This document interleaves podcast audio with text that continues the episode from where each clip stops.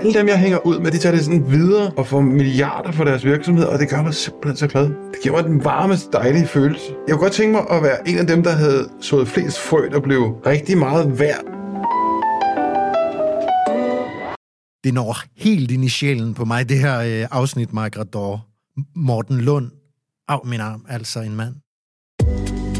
Ja, vi sad jo alle sammen og fik en tår i øjnene. Det var, for mig var det utroligt rørende. Det var også en lille smule grænseoverskridende at skulle sidde og sige de her ting her på en åben podcast. Mere autentisk bliver det ikke. Det løftede sig, så øh, hvis I vil have et stykke af vores sjæl, så skal I lytte med. Og I skal også lytte med for at høre om de 100 startups, han har været i gang med og investeret i. Og øh, den største og vigtigste satsning i hans lange karriere. Noget, han har brugt syv år af sit liv på indtil i dag. Og de konkrete redskaber, der er bag den her mand og hans succeser. Morten Lund, mine damer og herrer. Let's go. Morten, øh, velkommen til. Jeg vil jo gerne sige forklare dig lidt bedre du om, hvad fanden øh. Jeg kan se, du har taget præsteuniform på. Mike sidder i en høj rullekrav, ja. og øh, Jeg kan godt sige, at jeg skulle nok have taget lidt mere bohemisk på i dag. Ja, Men at vi skal også være forskellige. du er omgivet af hippier, føler du det, eller godt hvad? lige, du kan godt tage noget Patagonia på i hvert fald. Jeg er i hvert fald omgivet af to mennesker, som er lidt forskellige. Og det er jo forskelligheden, vi også godt kan lide. Og den her podcast, Morten, det er jo en, en, en podcast, hvor vi får, forsøger at komme i dybden på nogle rigtig interessante danske profiler. Øh, og deres superkraft, eller som du selv sagde, mangel på samme. Ja. Og øhm, hvis jeg nu øh, spørger dig, hvem tænker du på er den danske Elon Musk? Jeg kunne så godt tænke mig, at han fandtes, men vi har ikke haft nogen siden Titken. Der er rigtig... Siden hvem? Titken? Ja, selvfølgelig. Mat- byggematador, ingeniør og... Find en virksomhed, der ikke har lavet, altså Tuborg, Carlsberg, sammen jo, og giver Netcom, hvor han ligesom... Mm, han lavede ligesom et søgkabel til Kina. Okay, hvad var der i det kabel? Der får man, så kunne man jo sende, øh, så kunne man morse. Er det rigtigt? Jamen, altså, der er ikke nogen virksomheder, han ikke har lavet. Det er fede. Det er helt sindssygt. Tivoli hjalp han skulle også lige Carsten med, Carstensen med at få lavet. Altså, det er helt skørt. Nej, altså, jeg synes ikke, vi har dem. Altså, jeg synes, vi, vi har en masse sådan rigtig gode, dygtige, dygtige mennesker, men jeg synes, der mangler nogen, der stikker ud og så tager en industri, global industri og gør noget ved det. Jeg spurgte øh, jo Google først, faktisk, da jeg sad og researchede her. Ja. Det, den foreslår selvfølgelig, øh, fordi Jacob Rigsgaard har sagt det, ja. øh, Mathias Emil Nielsen, som er Gladteknik stifter, fordi han har lavet en chatbot, der kan sælge reservedel. Ja. Ja. Så væk med Google, ikke? Det kunne godt være, at han havde det ham der øh, glad teknik. Ja, kunne det godt være? Ja, hvis, man, hvis han kunne få hjælp til at skalere det. Altså, der, det er jo et nørdet område. Vi kommer alle sammen til at have noget lort, der går i stykker. Altså, vi får mere og mere teknik. Mm. Men det er nok en lidt lille niche. Man er nok nødt til at lave et eller andet, der... Altså, jeg er besat af disruption. Og disruption er noget mærkeligt noget. Det kommer, når, når et produkt er to-tre gange bedre, og enten halv pris eller gratis. Så kan du overtage verdensherredømme. Mm. Og det har jeg været så heldig at være med til at prøve et par gange. Det, det, det er skørt nok. Det, det, det skal vi finde nogen, der tør og kan. Too good to go kunne godt være det. Good to go. Ja. Prøv lige at forklare, hvad de... Øh...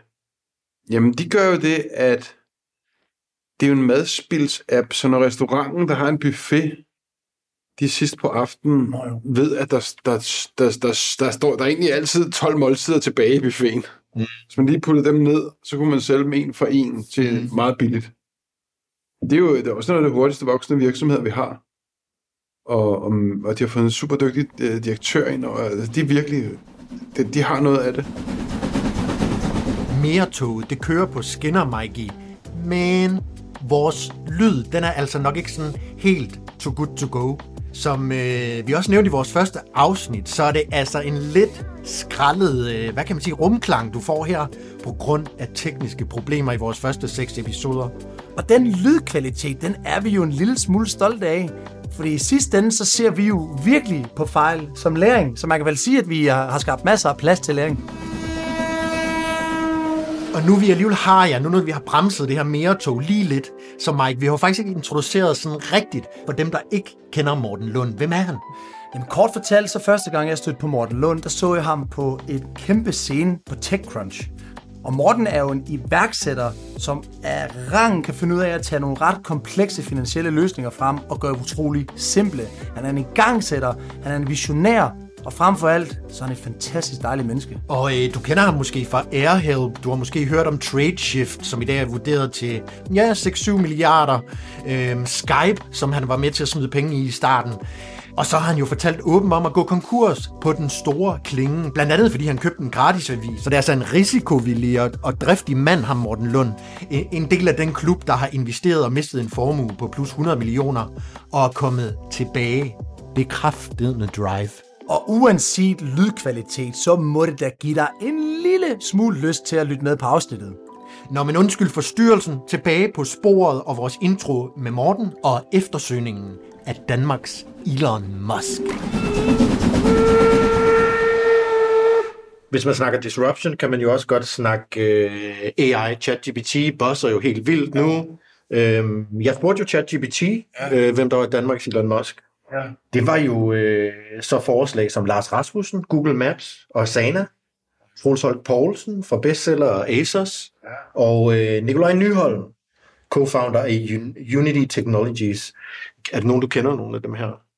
Ja, jeg ved jo, hvem altså er Nikolaj Nyholm er en meget god ven. Ja. Meget, meget, har været en meget god ven igennem livet. Jeg ved ikke, om man egentlig er venner med nogen, man har været meget tæt med for 10 år siden, så man ikke hængt så meget ud. Det er man vel egentlig. Han er, altså, han er kommet meget hjemme hos mig, jeg er kommet meget hjemme hos ham. Så vi har jo ikke hørt fra, vi hørte jo ikke fra hinanden i en Nej, periode, ikke så trip, trap, træsko. Så det er det, så man jo vel. Ja, Grunden til, at jeg spørger, grunden til, at vi spørger, det er jo fordi, det kunne være fedt. På en eller anden måde synes øh, vi jo, du er Danmarks Elon Musk. Bum, bum. Ja. Altså, hvad, Elon Musk fra Køge. Meta byggejern Ja. ja. og likable networker, kalder vi dig. Ja. det der med at kunne... Nej, det, den kan jeg ikke, altså det, det kunne jeg faktisk godt tænke mig at være. Ja, Men det er, der, der, der, tror jeg, altså der er jeg jo slet ikke på nogen tænkelig måde. hvorfor? Mm, jamen, jeg har ligesom... Jeg har levet et skørt liv, ikke? Altså, da vi var helt unge, så lavede vi sådan en reklamebureau.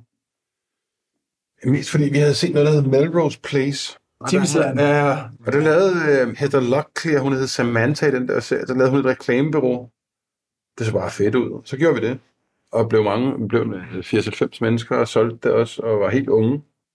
Det tog sådan noget tid at lave det der, og så havde jeg også lavet studenterhue før det. Men det var jeg for fin til.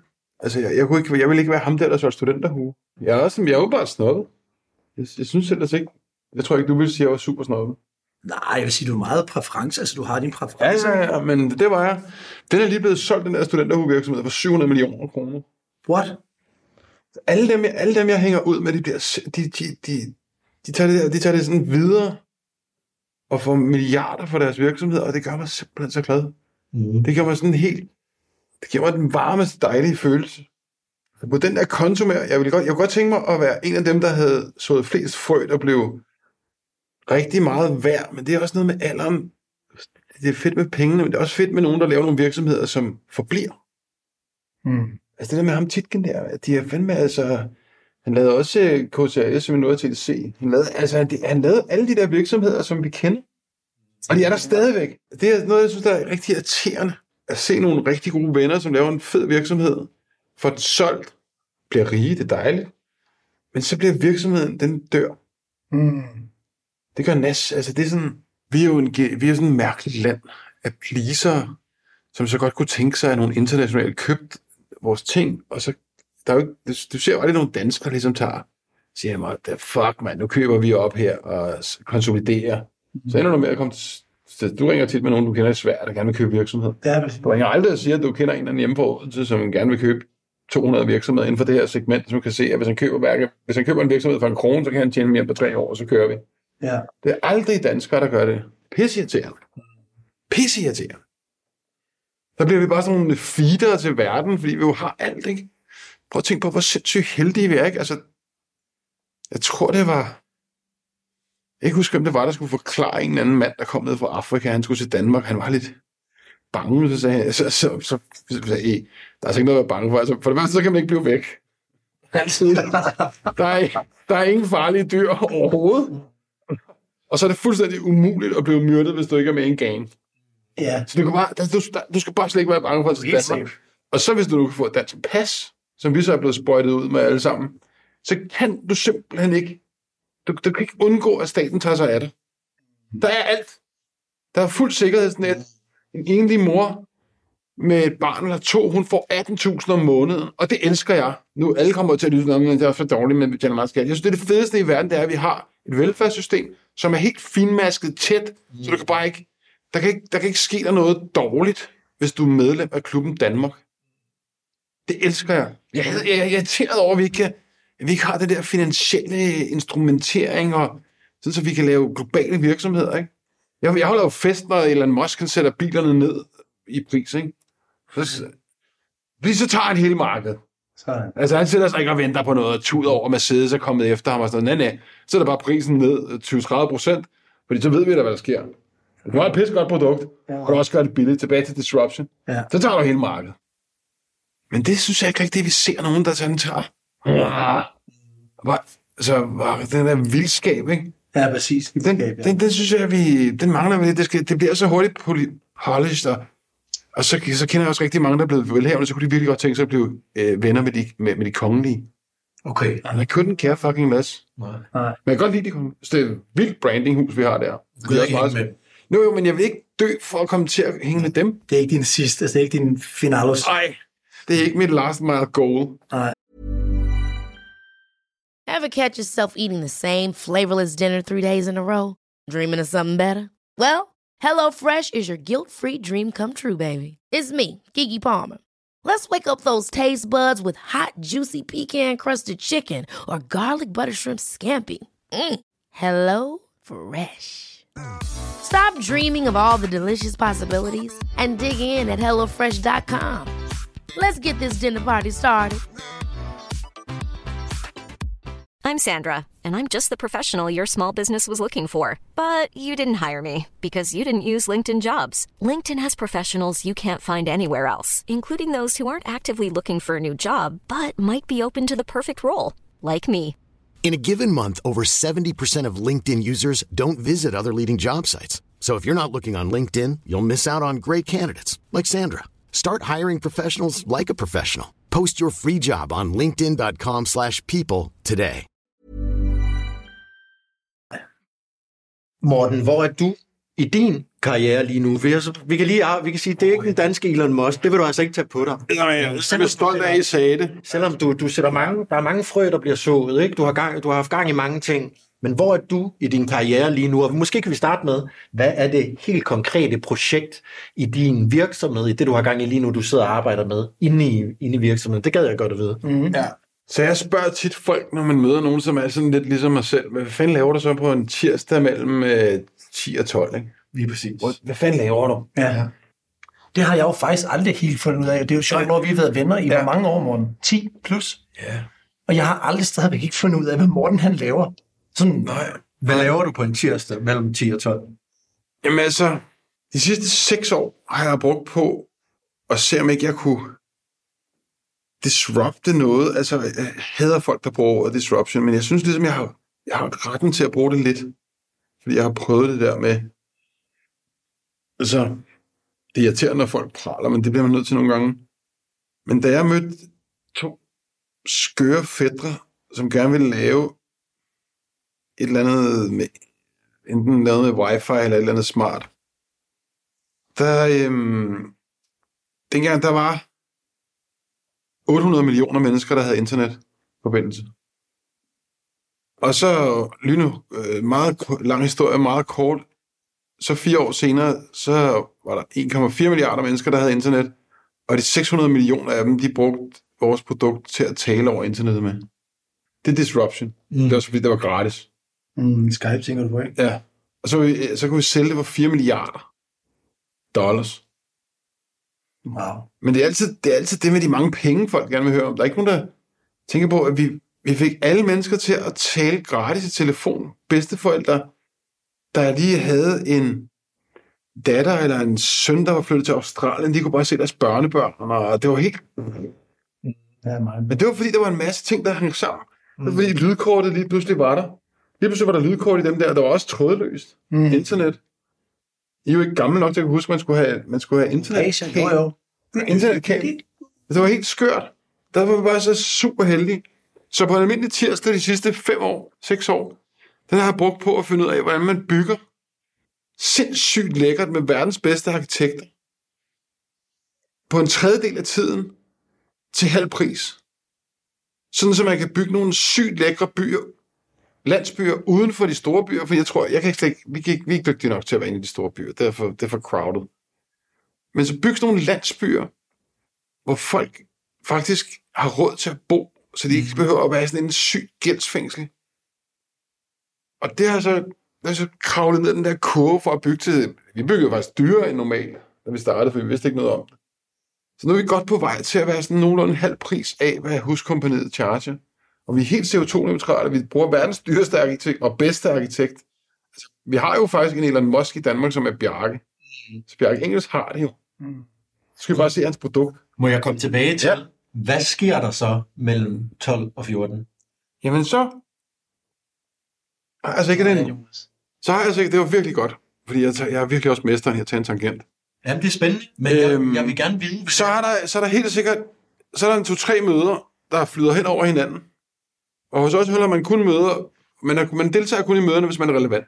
Ellers så siger man bare, hey, jeg tror ikke, jeg kan bidrage med noget her, så jeg går bare ud, og så går jeg hen i et andet møde. Men der er helt sikkert et møde, der handler om, hvordan man bruger teknologi. Og det er sådan, hvad er teknologi? Altså, hvordan man bruger sindssyge computer, som vi har i hånden, eller som I sidder med foran jer nu, til at, at lave en fil, helt konkret lave en fil, som man kan sende til et kæmpestort savværk, det hedder CLT-produktion, så man kan få skåret nogle færdige gulve, vægge, tage, toiletkerner, alting i det lækreste træ, med ind, og hvor der er inklusiv alle, alt, hvad man kan få. Der er hul til fucking øh, øh, bade, øh, hvad hedder det, bruserne, der er et øh, hul til stikkontakterne, der er tænkt over, hvordan øh, skraldesystemet skal virke inde i de her små, vi laver små huse, som er helt CO2-neutrale, som er isoleret, som, så øh, hvis du står ordentligt skid, eller har et stearinlys, eller har ordentlig sex med din kæreste, så er det varmt i det der hus. Dejligt. Så, det, så bruger vi sindssygt meget tid på at simpelthen bare super optimere på den her proces, hvordan man bygger i de der materialer. Som, det, find, det hele findes, der er bare ingen, der gør det. Fordi man skal hele tiden huske det der med, at den industri, som vi er inde i, vi er inde i, vi er byggeriet. Og Jesus far, han var nok tømmer, ikke? Så det er sådan, man kan ikke fortælle dem noget nyt. Nej. Så skal vi hele tiden, og så skal vi hele tiden lytte til markedet, så er der et andet call, der handler om at tale med en eller anden tømmer, eller en murer, eller en totalentreprenør, der fortæller os, det kan ikke lade sig gøre. Det ved vi, fordi... Og så er der et finansieringsmøde. Så inden, inden for det, det, mellem 10 og 12, så er der et finansieringsmøde om, hvordan fanden finansierer vi det her? Mm. Så er der et møde om, hvordan fanden bygger vi det her? Og så er det det vigtigste møde, det er, hvordan får vi nogle mennesker med os, som kommer, fordi de gerne vil det her så meget, at de er glade for at få et rigtig dejligt sted at bo, imens vi bygger, og noget dejlig mad. Og, det, og nul stress. Fordi jeg ser en sygdom, som jeg er meget bange for. Men lad mig lige destillere det der først, Ja. ja. fordi vi har jo skrevet som overskrift til det her, hvis vi skulle skrive en superkraft mm. på, øh, på dig, Morten, så var det en meta-byggehjerne. Yes. Der er den her store fil, der bliver bygget, der bliver programmeret, forestiller jeg mig faktisk. jamen, det er Ja, Kæmpe store metastrukturer, som på en eller anden måde, en lille fejl, kan fuck det hele. Ikke? Og så er der likable networkeren. Du siger fundraising, men det handler jo også om at kende mennesker, komme ud til mennesker. Så, øh, og så, det kommer vi til at dykke lidt ned i, i senere. Men, men, men så det vil sige, hvis vi der har de to timer der, så er det en masse dyk ned i nørdede ting. kæmpe dyt, mega detalje, altså mega detalje. Kan, kan det betale sig, at vi selv laver vandhanen? Mm. Det er bare et stykke fucking jern, der er bøjet, altså. Vi behøver ikke at betale 4.000 kroner for det, for at det skal hedde D-line eller et eller andet. Er det, en, er det en proces, du altid har brugt? Altså, når man ser det her blueprint med, du ser en vision for noget disruption, og så vil du gerne lave produktet, der kan disrupte helt ned til detaljen. Ja, det, det, det, nej, det er min første gang, hvor jeg ligesom har gået hele vejen. Jeg har måske kedet mig lidt, når jeg har siddet og sået de der idéer. Jeg har jo været med til at investere i nogle ting, men der er også rigtig tit, jeg har taget en idé, smidt den på bordet foran 3-4 unge drenge, og så de løbet med den. Kan du give et eksempel? Ja, det bedste, tror jeg, er Airhelp, ikke? Oh, ja. Ligesom med sagsøger flyselskaberne. Det var bare en idé. Altså, jeg fløj meget, og så nogle gange, så, så, kunne jeg, så blev jeg tilbudt en kop kaffe, fordi jeg var forsinket fire timer, og tænker, ah, går jeg lige, går jeg lidt mere. Og så gik jeg ind og fandt ud af, at øh, par, paragraf 261, hvad er det, 200, 200, paragraf 261 i EU-loven, den siger du, at du skal have 300 euro for hver gang du er 6 timer forsinket. Mm. Det er også latterligt. meget. Men altså, så vi lige så godt bruge loven. Nu sidder der 700 mennesker nede i Krakow og sagsøger flyselskaberne 400.000 gange om året. Ja. Så der, der skød jeg ideen ind, og så hjalp jeg dem lidt nede i mit lille grimme skur hjemme i min have. Og så løb de ud og gjorde det, og så var vi 50-50. Ja. 50-50. Prøv lige, øh, Ja. det er jo interessant, fordi, prøv lige, Mike har jo fortalt mig, at ja. nogle gange kan han sidde øh, på et eller andet mærkeligt tidspunkt, det kan være om natten, lige pludselig kommer der et pitch deck. Ja. Og Ja. øh, hvad du siger ofte, nogle gange så... Øh, Ja, den skal jeg lige præsentere. Ja, nu kender jeg Morten ikke. Jeg, nogle, nogle gange så øh, får jeg besked fra Morten. Se det her pitch deck her. Det er fandme godt. Det kan lige mærke til, og så siger han tusindvis af ord, eller det gør det ikke, men et par ord, hvor jeg tænker, hvad fanden snakker han om? Så vågner jeg op klokken 7 og kigger på den, så læser han hans pitch deck. Og jeg forstår ærligt talt ofte ikke Nej. sammenkobling af det. Nej. Og så siger Morten, ringer til ham og siger, hvad er det, jeg skal lære her? Så siger Morten, du skal lige læse det et par gange mere. Og så skal du lige sove på den, og så skal du læse det igen, Mike. Så gør jeg det. Ja. Så fatter jeg det ikke. Nej. Så går det i glemmebogen. Så går der en måned. Så klokken 02.57,5 kommer der noget nyt. Så siger han, det her, det er også, prøv lige, og så nogle ord, så kigger på det igen, og det er samme, same story, en gang til.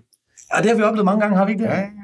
Er, hvad- er det ærehjælp-metoden, hvis vi lige skal kalde den det her i podcasten, med at du får en idé, du flæscher den lidt ud, Og jeg kan godt lide at sidde og, og, designe på den, sådan så at den har lidt originalitet. Det behøver ikke være så original. Det er jo ikke noget værd. Prøv at flæse den ud, altså ligesom at mappe den ud, så den har en eller anden form for lidt lettere forståelig. Det er tit, jeg har lavet rigtig meget finansielt software, det, det er umuligt at forstå nærmest. Men så også, at, den, at man ved, at den kan sælges til nogen. Ikke? Derfor altså, de sender den til Mike. Hvis han kan sælge den til et par stykker, så går det jo nok. ja. Øhm, men der er jo lavet en 200-300 virksomheder på den måde, hvor jeg har så fået en halvdårlig idé, twistet på den, og så send den videre ud og se, hvem, hvem, hvem kunne tænke sig at lave det her. Og for mig der er det ligesom adspredelse, altså det, jeg, jeg er virkelig dårlig til at lave kunst. Og jeg er heller ikke nogen god keramiker, så det er jo, det er jo min det er, min, det er min kunst, altså det, det, og det, jeg vil godt lide at lave det, og så kan jeg få det til at se sindssygt godt ud næsten selv, med lidt hjælp fra lidt design. Jeg kan huske den, du havde engang, øh, som du sendte til mig, der boede jeg i New York. Det var den med øh, en, et software til Pitch Deck. Ja, Pitch XO. Pitch XO, ja. Ja, det var ellers ikke dårligt. Hvordan, hvordan gik det med den? Det sidder en, der hedder Markus, og arbejder med nede på en strand i Thailand, og har en 4-5 ansatte. Nå, den fungerer stadigvæk. Det, det, det, ja, det er idiot, hvis man har en eller anden form for et pitch, man vil sende ud, og så ikke sender det ud struktureret, så man kan se, hvem der ser det, og hvor længe de kigger på det, og sådan noget. Og så havde du også en anden, altså det er bare lige for nogle eksempler, så lytterne her kan forstå Ja, det gerne. galskaben her. det er super pissespændende. Så havde du også den en gang, hvor, hvor vi snakkede hotel management software. Altså, når, Ej. når gæsterne, kan du huske den? OpenXO, ja. Ja. ja. Ej, det var en af de bedste. Fedt. Fedt. Jamen, det, det skete rigtig mange gange, og så gav jeg den til en 3-4 forskellige, som endte med at blive uvenner med hinanden. Okay. Nå.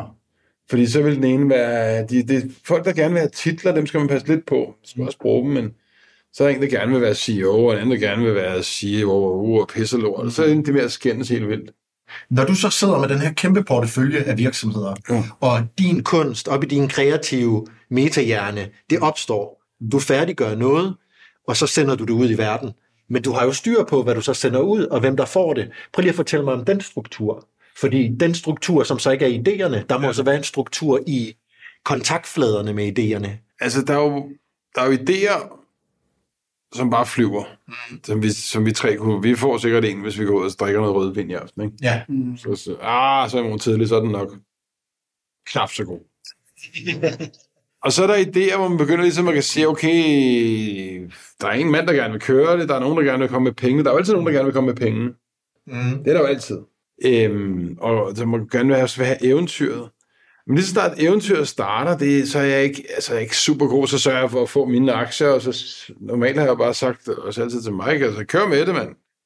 Sørg for, at jeg har lidt af det, og så se, hvad der sker, fordi vi kan ikke vide det. Faktisk, han er altid gavmild. Ja, Jeg skal bare have det her, Mike. generøsiteten, det er meget vigtigt. Øhm, så har jeg været lidt dårlig faktisk til at så rapportere på noget af det, fordi så, altså man skal huske det der med en succes. En fiasko, den er jo, den er jo, øh, det er jo et orphan, det er jo et, hvad hedder et orphan på dansk? et, øh, ja, Et krybebarn. Barn, barn uden forældre. Ja, det er jo forældreløst. Forældreløst, ja. Altså fiasko er fuldstændig forældreløs. Og øhm, succeser, det har bare mange fædre. Ja, Alle er bare far til en succes. så er alle knaldet. Ja, og så har alle bare været på den. Øhm, og der har jeg sådan, der har været dårlig i mit liv til at sådan, at dem, der ikke blev til noget, og sørge for at få rapporteret tilbage og sådan noget. Wow, det gik ikke det her, hvordan virker det? Men, men hvis, når det virker, så kommer det jo ind i en struktur, og så er der en ejerskabsfordeling, og så, så, det, så, så, så, så triller det. Det er, den, det er den, du er så god til, Morten. Ja, jeg er meget god til det. Rigtig, god til struktur. Ja, jeg, jeg er okay til det, men nu... Og tak. Men nu, de sidste 6-7 år, så er jeg ligesom... Altså, jeg, jeg, jeg har prøvet nogle gange, hvor jeg skulle ikke rigtig... Altså, jeg har følt meget, meget glad.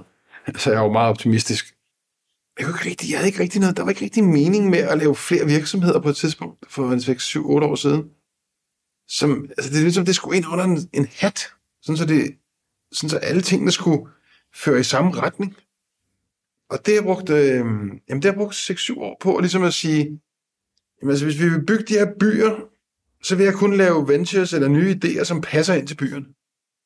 Så kan vi lave en, så kan vi lave et, øh, en virksomhed, som sørger for at lave mad, altså at dyrke grøntsager i landsbyer. Fordi det, alle landsbyerne skal have en, en lille organisation, der kan dyrke grøntsager. Ja. Hvis ikke der er nogen organisation, så visner grøntsager. Det er meget, meget simpelt. Det, det er simpelthen svært. Og når man sidder sammen med folk, der bygger landsbyer, eller ejer landsbyer, eller høvdinge for en sådan kollektiv, hvis man så sidder sådan 10 mennesker snart og inviterer dem til, til middag, det har jeg gjort rigtig meget rundt omkring i verden. Altså sådan høvdinge for landsbyer. Små landsbyer. Hippie-kollektiver. Den, den, der sidder, den, der sidder på bordenden, det er altid ham, der dyrker mest mad selv. Han, hvis, ham, der har en by, hvor man dyrker mest mad. Altså selvforsynende. Mm-hmm. Han er kongen. Alle dem, der ikke dyrker noget mad, de sidder nede på det sidste række. Okay. Dem, der dyrker mad, det er dem, der har et, det er fedt, du har bygget en landsby sammen med nogle mennesker. Det er fedt, at I har det godt, og I hygger her, og I laver fælles mad. Men det er chefen, det er ham, der også kan producere ud i drivhus. Og jeg har jo altså en ven, der har et drivhus, men det, det vælter ud af sådan et drivhus. Ja, det gør. Men det skal lige organiseres. Hvorfor har du haft det behov for at øh, få det ind under den her kapsel? Du er god, har været god til at skyde idéer ud. Du har været god til at få dem til at generere noget ja. værdi for dig. Hvorfor har du haft det behov her de seneste seks år? For at pakke det lidt mere. Jamen, det er jo fordi... Ja, det, fanden, det var, det var god til at stille spørgsmål. Vi er simpelthen lavet, nødt til at lave noget, der er større end os selv. Altså, den næste idé, hvor vi kan sælge nogle flere kurser for mig, og ikke noget galt med det, for det hjælper helt sikkert en masse mennesker, den redder nok ikke verden. Nej. Men jeg kunne simpelthen godt tænke mig, altså, hvis vi forestiller os, uden at gå i, i sådan noget øh, dystopisk mode, men hvis vi forestiller os og lytter til, hvad, hvad alle videnskabsfolkene siger, så bliver der en 2-3 grader varmere på planeten inden for 50 år. Det betyder altså, at der bliver 1,8 meter højere vandstand. Det betyder altså, at Holland er væk. Ja. Ja. Vi kan, bare, vi kan jo ikke holde ud og snakke om det. Men, men det, det forstod jeg sådan for en 10-12 år siden, sammen med nogle super fede mennesker på en ø. Mm. Hvor de ligesom havde, okay, vi er nødt til at gøre noget med det her. Og så fik vi først alle skibe i verden, til at, alle transportskibe, alle containerskibe fik vi til at sejle 5 km langsommere i timen, så brugte de 30% mindre CO2. Mm. Men det var jo nemt nok, hvis man kommer med de rigtige team, og, man, og alle i, så Mærsk og alle deres konkurrenter vil jo gerne gøre det, bare alle gør det. Mm. For de sparer noget fuel. Det, det er igen en, en idé, der er sådan... Så, så, det, så, så, så, så grunden til at putte det ind under en hat, det skulle være, at vi kunne tage... Altså, så er også... Øh, jeg, kan- altså, jeg kan godt lide at, at, tænke i finans, altså businessstruktur. Altså, så fandt jeg ud af, at den industri, der sviner mest på CO2, det er byggeriet. Det er 40 procent af alt CO2. Og vi taler, Ja, det godt til. vi, nej, nej, nej. Vi taler om at lade være med at flyve. Det kan børnene forstå, og Greta Thunberg, som jeg elsker overalt, det, kan, det er det første, børnene ser. Det er 2 procent, måske kun 1,6. Ja. Byggeriet er 40 procent, så hvis vi kunne bygge CO2-neutralt, og så samtidig sørge for, at folk blev lidt gladere, jeg er rigtig, rigtig, rigtig, rigtig, rigtig bekymret over, at vi bor i, som jeg startede med at sige, verdens bedste land. Altså det er det bedste, bedste, bedste land. Men der er 600.000 mennesker, der er på lykke. Det er Elle, Elle siger du, Elle Wild? Eller Elle Vilde? Det er elle vilde. Folk er elle vilde med det. Ja, det er ligesom Og det- dit, øh, øh, dit Det, det er mit, projekt. koncept. mit projekt er elle vilde. Det, det, er kun, det er kun det. Laver strukturer for at øh, som på en eller anden måde, hvis man skal ind til dit why, Ja. så øh, det er meget sjovt. Jeg har jo skrevet her i mine noter, at øh, du har sagt, at klimaet er grunden til, at alle begavede, men, øh, alle begavede og rige mennesker arbejder. Ja. Ja, fordi de ved, hvor vigtigt det er. Hvis man Ja, og, det giver dem, og det giver dem mening om morgenen. og det giver dem mening. Fordi det er vigtigt, når man skal ud om morgenen og, og stå op tidligt. Eller man, og man bliver også en bedre elsker af det. Det er bedre, end vi er, tror jeg. Vi har ikke, været- jeg har ikke været så heldig, så jeg er nødt til at prøve. Men det, det at arbejde med noget, der giver mening, det er det bedste i verden. Man er meget bedre over for sine børn, man er bedre over Ja, alt. ja. Og jeg har skrevet dit why. Det er mig, der siger dit why her, ikke? Øh, hans why er, at hans fire børn ikke skal vokse op i klimakaos. Vi er jo inde i en high-performer-kontekst. Det handler ja. om, at vi har mere, ikke? Øh, det handler om, at vi ja. hele tiden vil rykke sig. Er dit why, din high-performance, det du vil have mere af, er det mening? Altså, grunden til, at jeg har lyst til at arbejde 18-20 timer i døgnet, det er nok meget det. Og mine børn, mine børn, de skal bare have det lidt hårdere. Altså, det vigtigste, det er, at mine børn også møder noget kendt. Altså, det er jo det farlige ved at være vokset op i en velfærdsstat. Altså, der er jo ikke noget... Ja, altså, jeg kører min søn i skole nogle gange. Han, han øh, går i skole 1,2 km fra os, men det er bare, fordi jeg godt kan lide at være sammen med ham, og vi kører vi ned og spiser morgenmad. Der, Jeg kører ham i skole, altså, hvor sygt er det? Hvor sygt er det? Altså, jeg prøver at lade være med at ringe til deres arbejdsgiver og, og klage, hvis de ikke er blevet behandlet ordentligt, for de må lære, de må lære det selv. selv. Men jeg tager min datter med til en stor bank, en meget begavet bank i, på tirsdag, og holder et møde sammen med en ven, jeg har inden for, så man kan få hende ind til at være i og forstå makroøkonomi. Så jeg er ikke bedre nu. Jeg er totalt kølingfar. Jeg kunne godt tænke mig ikke at være det, og så kunne jeg godt tænke mig, når jeg, når jeg står op om morgenen, så vil jeg gerne lave noget, så hvis man bare kunne hjælpe, hvis man bare kunne flytte flytte en halv procent eller en procent på, at verden blev ikke gik helt, altså det der CO2 blev lukket. Jeg, jeg, jeg er også gammel nok til at huske, at ozonen, ikke? i gamle dage, når vi stod i håndboldhallen, så tog vi jo lige noget deo på, der var det, så sprøjtede vi bare ozon ud, altså, øh, vaskede, så vaskede vi os i ozon. Så var der hul i ozon. Fedt nok. Bang, det lukkede vi. Det gjorde vi sammen. Og nu, nu har vi noget at være sammen om igen. Ja. Fordi så skal vi ikke, og jeg har jo rejst sygt meget. Jeg har rejst hver anden, jeg hver anden øh, uge, når jeg ringede til Mike eller talt med Mike. Hele mit liv, så har jeg været et mærkeligt sted. Jeg har bare rejst helt lyst for noget, helt efter min lyst. Åh, jeg vil derhen og se, hvad fanden foregår der her? Mm. Og det eneste, jeg kunne se, vi manglede, det var en religion, hvor vi alle sammen kunne være sammen. Mm. Og den religion, den er, det er klimaet. Ja. Der er en religion, hvor vi behøver slet ikke at tænke over, vi kan bare lige stille nogle forskellige øh, skulpturer op, så kan man bede i hver sin retning, men ja. den store religion, det er, at vi skal så prøve at se, om ikke, hvis vi kunne gøre et eller andet for det, og det, det lille smule, jeg kan gøre, det er at bygge nogle byer, hvor almindelige mennesker kan bo super, på en super færre pris. Vi skal have boliger for 750 euro per måned. Det findes jo ikke. Nej.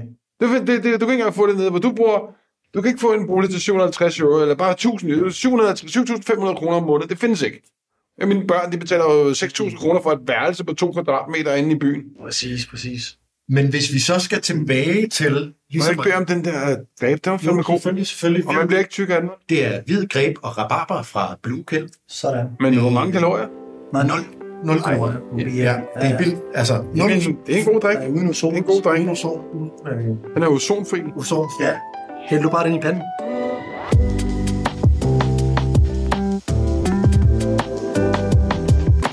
Jeg tænker lige, at det vi lige gør nu, det er, at vi lige sådan siger, lad os lige præsentere den her podcast for dem, der sådan hænger med, øh, er kommet nye ind. Ja. Så vil jeg bare sige, det her det er anden episode af podcasten mere. Sidste episode, det var med Martin Thorborg. Det var en ret vild samtale, Mike, fordi han er god på bånd. Mm. Altså, han øh, havde mange gode råd, fede historier fra hans liv og, og karriere. Øh, PT så sidder han jo og leder 100 mennesker i Dineo. Øh, jeg lærte, at for ham, der handler det om at være high performer, om at finde sine små bjerge, bestige dem 80%. Han gider ikke bestige noget 100%. Præcis. Han skal ikke hele vejen. Det er en helt anden mening for ham. Ja, han sagde ret interessant, good is good enough. Good enough er good enough. Og så siger Ja, han, det der, så altså, jeg, gider ikke at bruge så meget energi på great. Ja. Så 80% i mål, så er du i mål. Yes. Og så kan du øh, bestige et nyt bjerg. Det synes jeg er en episode, I skal gå ind og høre. Øhm, og så til dem, der ikke kender os. Mike Rador, du er jo SWAT-team, entreprenør, øh, go, duer og det hele. Jeg er journalist og øh, hedder Jonas. Filosofisk. Filosofisk, ja, jeg er måske sådan lidt mere uden retning, svæver lidt over det hele. Polygamist. Polygamist, ja. Sidste, sidste noter, der skrev Jonas Mike var et røvhul, og jeg skrev Jonas var en mand uden retning. ja. lige præcis. vi er et ret godt team, men når vi, nu t- snakkede vi tidligere om at samle teams. Hvem samler bolden op? Vi samler bolden ret godt op for hinanden. Så, øh, og mere, det handler om at finde ud af, hvordan vi kan bruge skarp hjerne til at hjælpe os med at få mere strategier, hacks, deres øh, ressourcer. Hvad gør du? Superkraft. Så det er derfor, vi sidder her i dag. Ja, og Morten, der er noget, jeg gerne lige vil spørge dig om, fordi noget, jeg altid har været vildt imponeret over med dig, det er din formåenhed at skubbe mig foran til nogle meget, meget, meget dygtige mennesker, og mennesker, som har været dygtige i erhvervslivet, eller mennesker, som i hvert fald har haft noget volatil succes og- er nørdet på den helt fede måde. Jeg husker et eksempel i New York, hvor vi snakkede meget sammen, og så lige pludselig out of nowhere, så siger du til mig, Mike, du skal lige mødes med, med Amar, som er, som er inder, og øhm, han kunne en masse ting, og trip trap træsko, så fik jeg lov til at møde Amar. Og jeg møder ham op på Soho House, og der kan jeg lige så sige, at man kommer ikke bare ind på Soho House, hvis ikke man kender nogen, som kender nogen. Og jeg fandt ud af, at han var en fantastisk gut, og kunne en masse ting. Nu er det ikke, jeg ved ikke helt præcis, hvad der er, han kan, men en iværksætter og en businessman og en masse ting. Men Morten, den formåenhed har du altid kunnet, altså at samle interessante mennesker, og du er lynhurtig til at præsentere os for hinanden, faktisk mange gange uden vi ved, hvorfor vi skal mødes. Ja. Men hvad, hvad, hvad, er det, du- hvad er din superkraft der? Hvordan formår du at møde de her mennesker?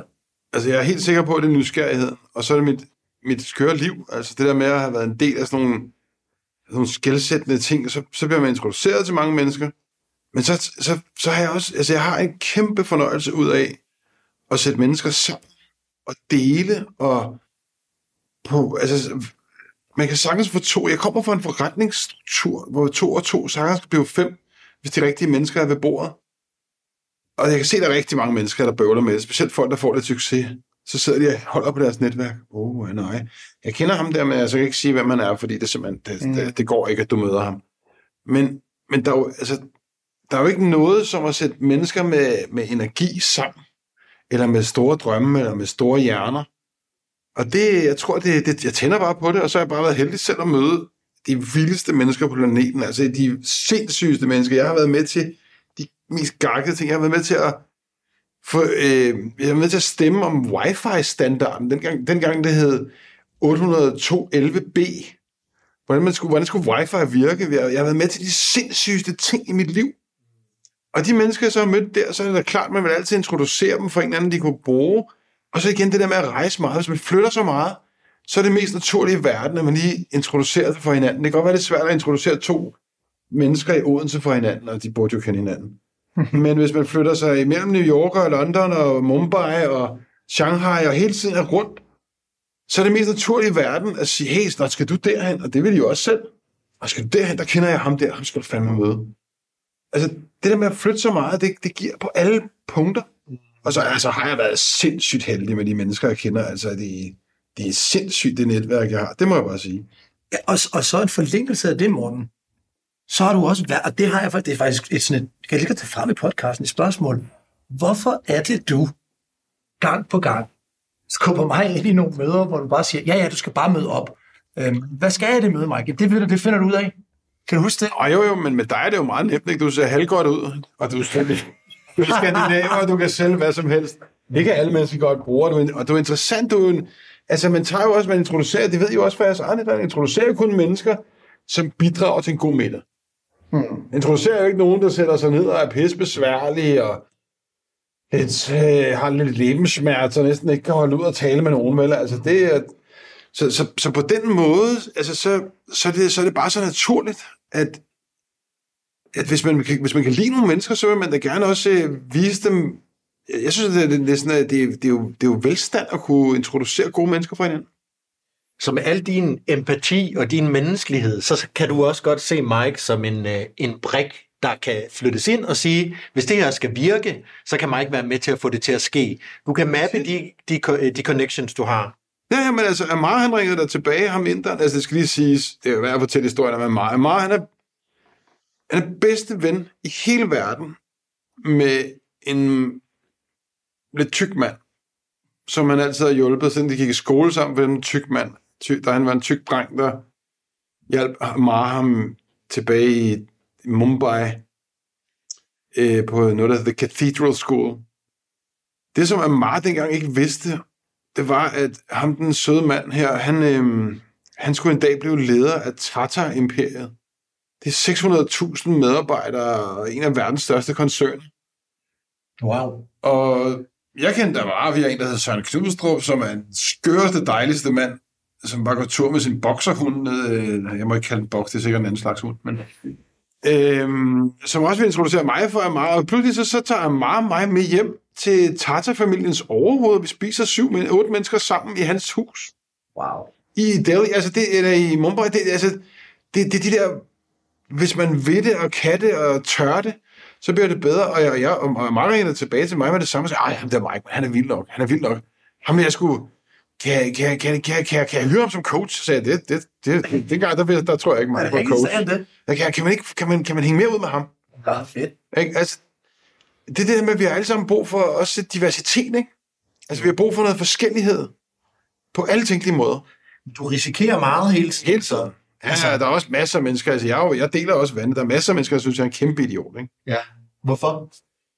Jamen, det er fordi, jeg er så kompromilløs, altså. Jeg, altså, jeg, når jeg vil noget, så vil jeg det helt, og så, så, så kan jeg heller ikke lade være med at være lidt ærlig. Altså, jeg kan ikke sidde, jeg, kan, ikke- jeg kan ikke sidde og, altså, og s- kigge på sådan noget skuespil, hvor folk klapper ryggen af hinanden, og ja, nogle, øh, altså, ikke, der, er ikke noget, der, er ikke noget, der er ikke noget mening bagved det. Hvad gør du så i sådan en situation? Altså, Jamen, så kan man desværre mærke det på mit kropssprog. ja. Så, øh, så, så larmer jeg, altså uden at sige noget. Så larmer jeg, jeg larmer jeg, så jeg bliver, Så er jeg, jeg, altså, jeg bliver et dårligt menneske også. Altså, Ja. så, så, så, så er jeg ikke så god. Jeg tænkte, øh, den risikovillighed der, møder du nogensinde, øh, nu sidder der mange lyttere derude, som de vil gerne have lidt mere, de vil gerne øh, performe bedre. Ja. For mange er risikovillighed, specielt i de strukturer, vi har bygget i erhverv i dag, ikke? Ja. Så du skal fandme dukke hovedet mere. Du skal ikke komme ind og banke på chefens dør, hvis du kan undgå det, vel? Øh, så bliver han bare irriteret på dig. Han har nok at lave.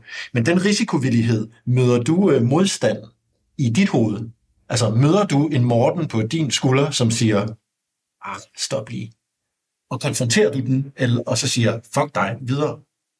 Altså, jeg møder jo ligesom alle mulige andre en masse øh, traditioner, der kunne ligne dæmoner og alle mulige mærkeligt, men altså, jeg har det der, som meget få har. Altså, jeg er vokset op i det dejligste hjem. Med nogle forældre, der blev utrolig succesfulde. Min mor var den mest ubegribeligt succesfulde sags, sagsbehandler nede på kommunen, altså som så endte med at lave sovekriseterapi og introducerede det i alle mulige kommuner. Min far blev en meget succesfuld mand inden for, han var elektriker, som lærte at sælge sådan nogle elektroniske, elektroniske komponenter. Så skændtes de ikke, og de var bare søde, og jeg har aldrig blevet anklaget for noget, jeg ikke har gjort.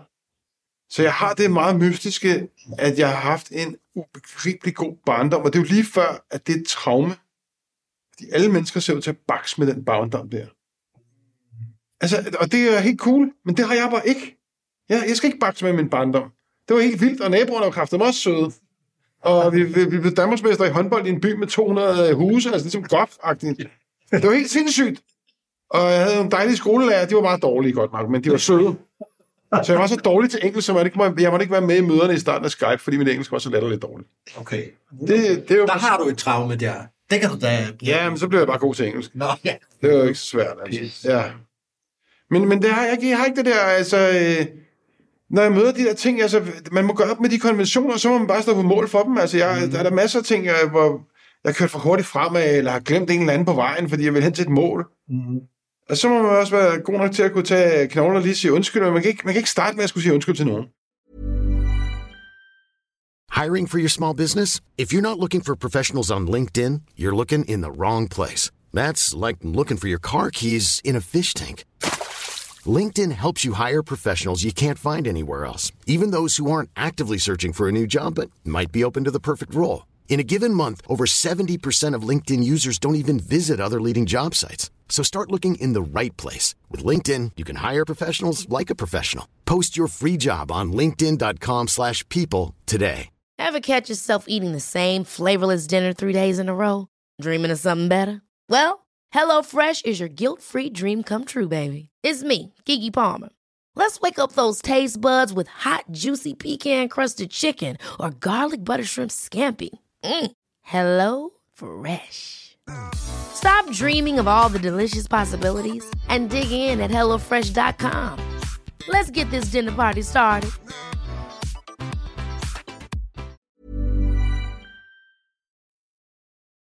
Tænketanke, Morten. Det er et ord, jeg har stødt på, når jeg har sådan siddet og researchet på dig.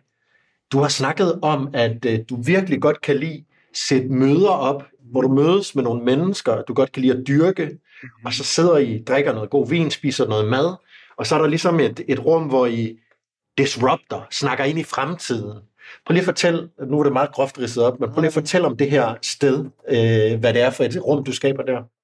Jamen, det er nok meget mit liv, det der med at invitere... Altså, vi har nogle faste nogen, som er et par gange om året, hvor vi inviterer dem, der ligesom både har den, jeg ved, hvad jeg mener, når jeg siger, både har den sådan socialt, og som også har virkelig, virkelig stor CPU op i hjernen. Altså virkelig begavede sociale mennesker, øh, empatiske.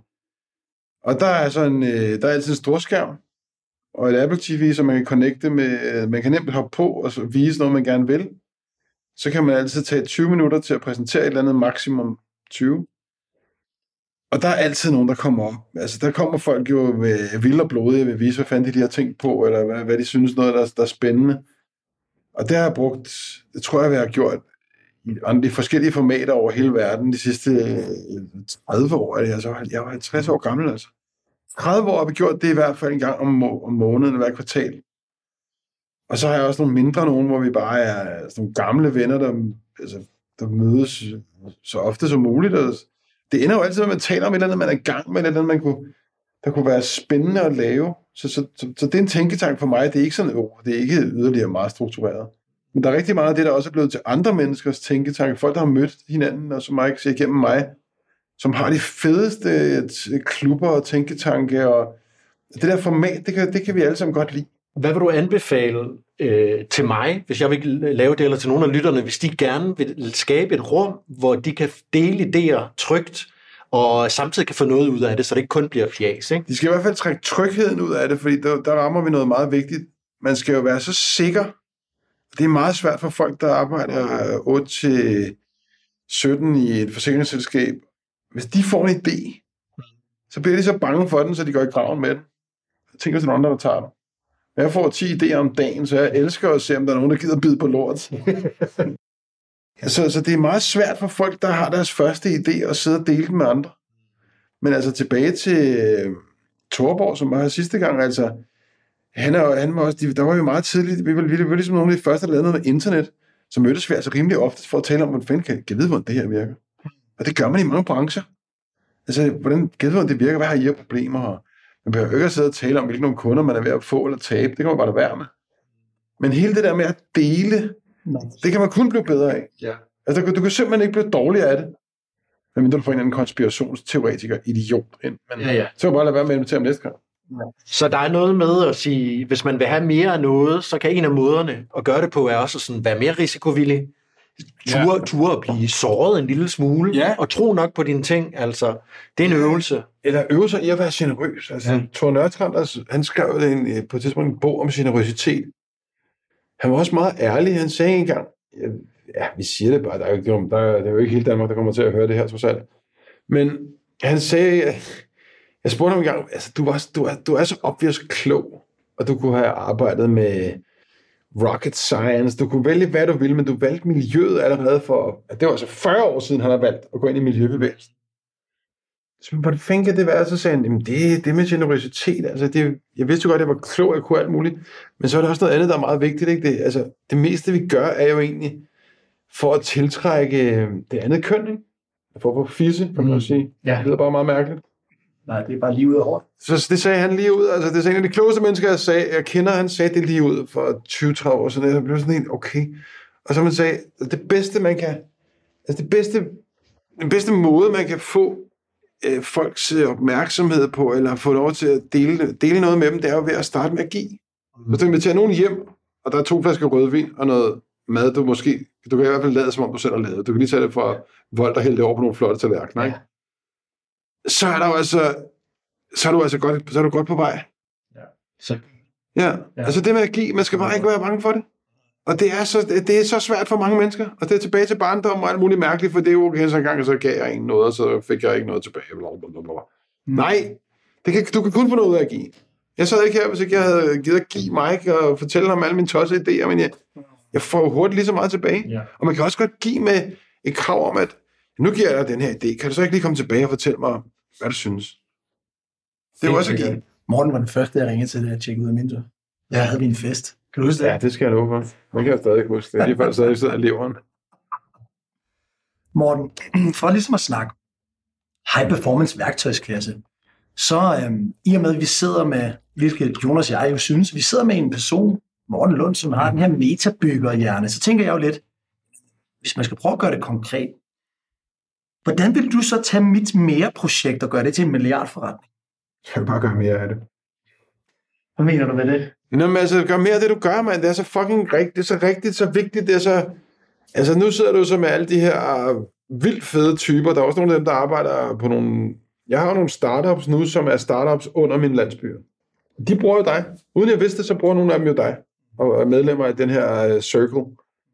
Og de får så meget ud af det. Det er så vigtigt for dem. De har alle sammen brug for det, du gør. Så tror jeg, hvis jeg, ville, hvis jeg var jer, så ville jeg tage så vil jeg invitere Jonas lidt mere ind, og så vil jeg spille på nogle endnu mere, ikke spille på, det lyder forkert. Man skal, heller ikke, man skal bare passe på, når man siger sådan nogle ting, spille eller tricks og sådan noget. Det er ikke tricks, og det er ikke at spille på noget. Så vil jeg lave et forum, hvor folk kunne lov, få lov til at tale endnu mere om, hvad de føler. For det er der bare ikke plads til at være en high performer. Altså folk falder ned af stolen, og jamen, jeg vil lige slukke mikrofonen, for jeg skulle lige fortælle dig, hvordan jeg, hvad jeg følte, og du skulle også lige fortælle mig om noget, hvad du følte. Ja. Det er rigtigt. Og det er bare det, det, er det, det, er det nye sort. Det er det, vi gerne vil. Det vil, jeg, det vil selv jeg gerne betale for. Så vi har en, og jeg synes, I skal, som så vanligt, jeg synes, I skal mødes med Carsten Christiani og hans team. De skal bygge det her ind i vores byer. For i vores byer, der bliver det sådan, ja, det bliver sådan, at man tjekker ind om morgenen og om aftenen. Og de første 20 minutter, man er nødt til at tage grupperne lidt små, 10 til 8-10 mennesker. Og så fortæller man bare lige, hvordan man har det. Fordi når man så skal i krig sammen, som jo så starter øh, 10 minutter efter, og få noget af alt det der, og få bestilt de rigtige ting, og finde ud af, hvilken vi kan op, hvilken plan, der skal laves, så kender man de der mennesker fra en anden side. Så ved man, hey, ham der, han er da helt op at køre over, at øh, ham og hans kæreste, de har fundet ud af det, og de skal købe en hund. Ej, hvor er det, det er dejligt at kende hans side, fordi lige om lidt, så skal vi sidde og tale med en kontrakt, der bare er sygt tør, og så skal vi sørge for, at der ikke er nogen, der bliver snydt, og alt muligt mærkeligt.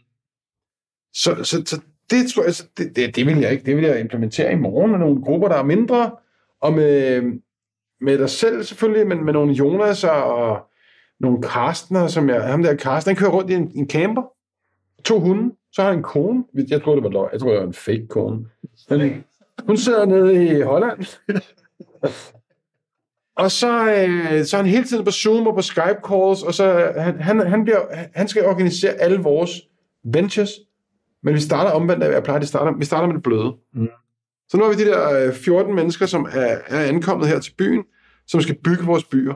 Men hvad laver han så på de calls der? Snake? Så taler han, så starter han, så har han en masse grupper, hvor han sammen med en, der hedder Stephanie, hvor de taler, og vi, jeg, skal, jeg er på sådan en call om tirsdagen.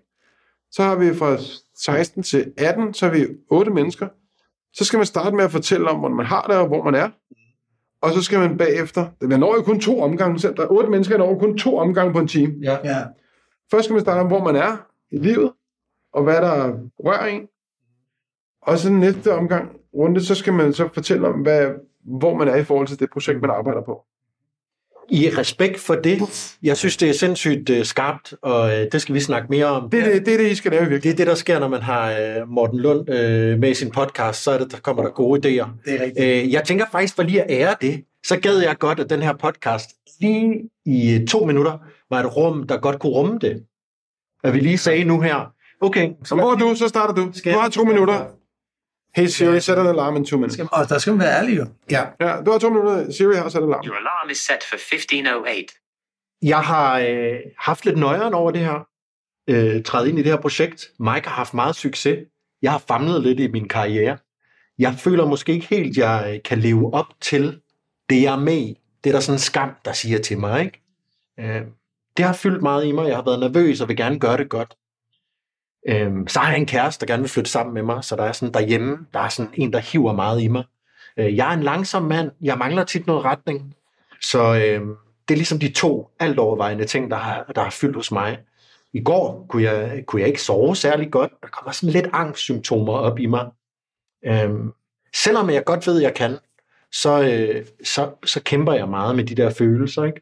at jeg svigter mig selv, eller jeg svigter projektet.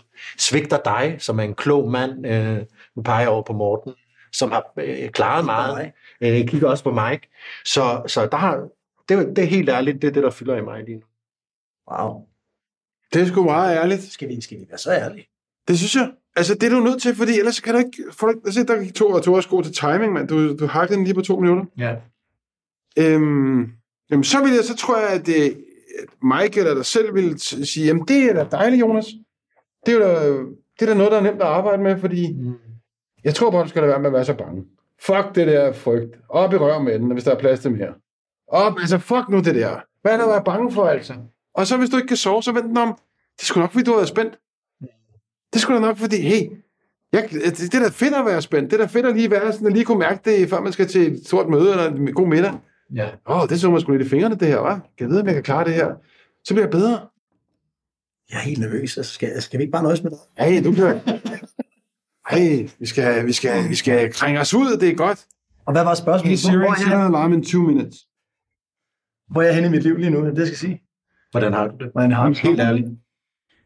Øhm, jamen, jeg er et sted i mit liv lige nu, hvor jeg er på en, på en, på en stor, stor opgave i forhold til min relation. Øhm, og det er fordi, at en mand eller en kvinde? det er sin kvinde. En brasiliansk kvinde, som jeg er sammen med to og et halvt år. Og hun har, hun har været igennem nogle hårde ting, som har gjort, at hun, øh, har meget, hun er meget utryg ved, ved illoyalitet. Altså hun tror hele tiden, jeg er utro, eller jeg skal til at være utro. Og det sætter mig lidt i bås. Det vil sige, at jeg har svært ved at rejse til Danmark uden hende. Jeg har svært ved at besøge min familie, uden at hele tiden skal vare den op. Så det vil sige, at det sætter mig lidt i en lille bås, og det gør mig, det gør mig ondt. Jeg ikke får den frihed, jeg har brug for. Så det fylder rigtig meget for mig, også i forhold til alle de ting, jeg skal til at udføre. Altså bare komme i Danmark og op til den her podcast, det er ikke, så er hun jo med, og, og for at sikre, at hun har det godt. Må man afbryde i sådan noget her? Nej. Nej, okay. Og oven i hatten af det, så ikke fordi jeg skal lægge hende ud, men så har vi også været igennem et hårdt forløb, hvor hun har hun lige været udsat for lungekræft. Så jeg vil også gerne være den bedste kæreste, jeg kan over for hende. Øhm, men jeg vil også gerne være den bedste forretningsmand, som jeg kan. Jeg vil også gerne være den bedste i en masse andre ting. Øh, og der er, jeg, der er jeg ret udfordret i forhold til alle de mål, jeg har i mit liv, hvor jeg føler, at øh, jeg ved ikke lige helt, hvordan jeg skal håndtere det. Fordi vi har det skide godt, men vi har det også rigtig hårdt. Puha, hvor jeg er ærlig i den her podcast. Ja. Det er dejligt. Og kunne se dig sådan ægte, ikke? Men det er jo dejligt. Altså, det er jo, det er jo, det er jo rart at vide, fordi jeg tror, vi er hele mennesker. Hvordan vil du, hvordan vil du fortolke den, Jonas? Så kan du gå i gang. Det kommer, du kommer til at sidde med 40-50 af sådan nogle mennesker, der gerne vil fortælle det. Fortolke, øhm, Ja, jeg tror, at prøv at fortolke uden at dømme. Det er meget svært. Det er Ja. næsten umuligt. Ja, det er fandme svært. Øhm, jeg tror, der er noget øh, med, at du kan have svært ved øh, også helt at forpligte dig, ikke? Så jeg tror, den tryghed, nu kender jeg din kæreste lidt, den tryghed, hun måske egentlig kan suge øh, ind. Jeg lagde meget mærke til, at du snakkede meget om hende hele tiden, ikke? Ja. Det var, sådan, det var meget lidt Mike, der egentlig var der. Øh, det, det handlede meget om hende, men jeg tror, at den tryghed, du kan give hende, den føler hun måske ikke helt, hun får. Og jeg føler måske godt, du kan gemme dig lidt bag ved hende. Mm. Der kan vi mangle, der er lidt hårdt at sige, der ligger måske lidt ansvar, du også skal tage. Absolut, der ligger en stor opgave der. Ja. Ja, det, Det vil være mit intuitive bud, uden at så, så, jeg sådan, være for hård, ikke? Altså. består jeg. Men det, men det er jo det, det er. Det handler ikke om at bestå. Nej. Det handler om også bare at huske, at vi er nogle rigtige mennesker. Ja. Kød og blod, og der kommer alt muligt. Så det dig, Morten. Så vil jeg gerne høre, vil gerne høre dig. Hey Siri, set an alarm in two minutes. I've set your alarm for 1513. Jamen, jeg er et sted, hvor jeg har kæmpet med noget i syv år for at vide, hver eneste dag, at det ikke kunne lade sig gøre. Det betyder meget for mig, at det, det, der begynder vi at være, og jeg har virkelig, altså jeg har virkelig, det har virkelig været, den har virkelig været lang. Så har jeg noget, som fylder enormt meget i mig, som er, at øh, i, no, en af mine børn øh, bøvler lidt med at, at, at spise nok.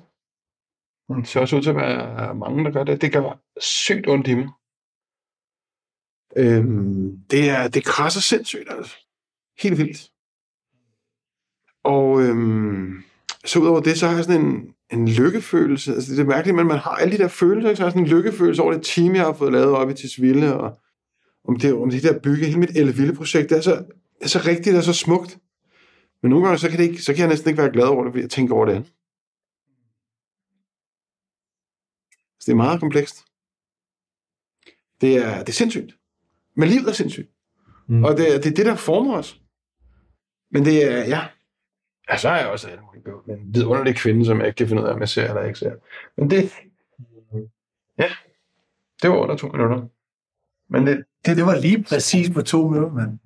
Wow, ærligt, lad mig lige knytte en kommentar. Var det dog dejligt at sidde i rum med mænd, der åbner sig. altså, ja. Og hvor er jeg dog en tøs? Er det dog svært? ja, det Hvor er det dog svært? Jeg sidder, jeg sidder bare og skyder skylden på hilden, ikke? Mm, Det synes jeg ikke, du gør, men jeg vil bare sige, det er vildt at mærke den empati, Ja. der så opstår. Men så er det jo et andet menneske.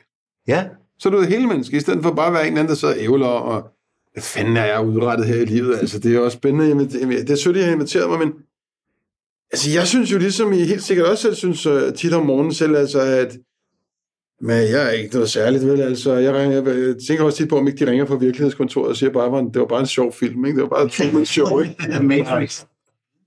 Og tak for den. ja tak fordi I Ja, delte. tak det var fordi I delte. øh, Det var sgu stort. Det var... Så. øh, De der hippier, vi bor sammen med, de gør det til aftensmad, når, når vi, så, så skal vi holde i hånd, inden vi spiser, Ja. og tale til maden, og tak for maden. Wow. Så kommer der også lige lidt ud. Klart. Det er meget interessant. Det, ja. det gør altså ikke noget dårligt, selvom der er lidt hippieagtigt. Ja, det fede med den, det, kan jeg, kunne- jeg kunne godt mærke, at jeg kunne godt åbne mere op, og det er jo en, en selvrealisering, ikke? Træning. Træning, ja. Mere. Jeg, jeg er totalt spindoktor lige ja.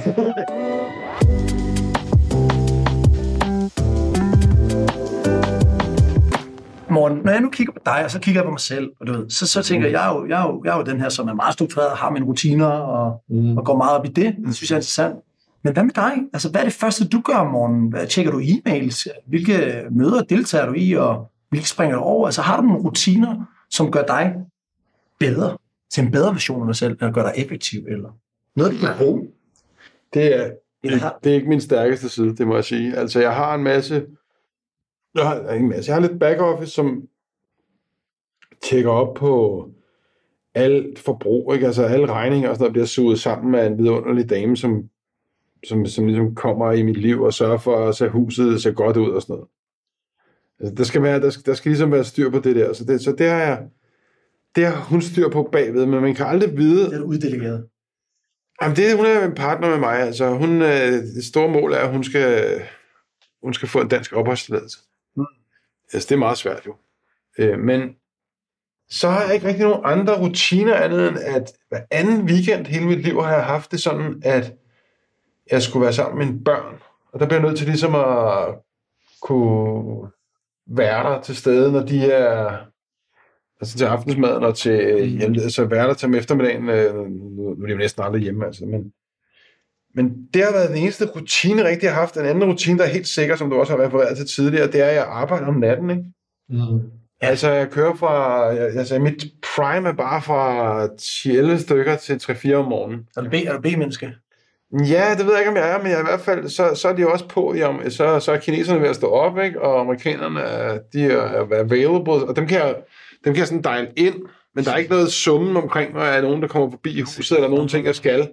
Det må være, den her har designet mig til også, jeg ved ikke. Men ellers så, er jeg altså virkelig dårlig til rutiner, altså virkelig dårlig. Ja. Jeg er god til, altså, men det ved du det har du også nævnt før, ikke? Altså, der bliver altid et eller andet pitch deck, der bliver altid en idé ud af det, jeg laver.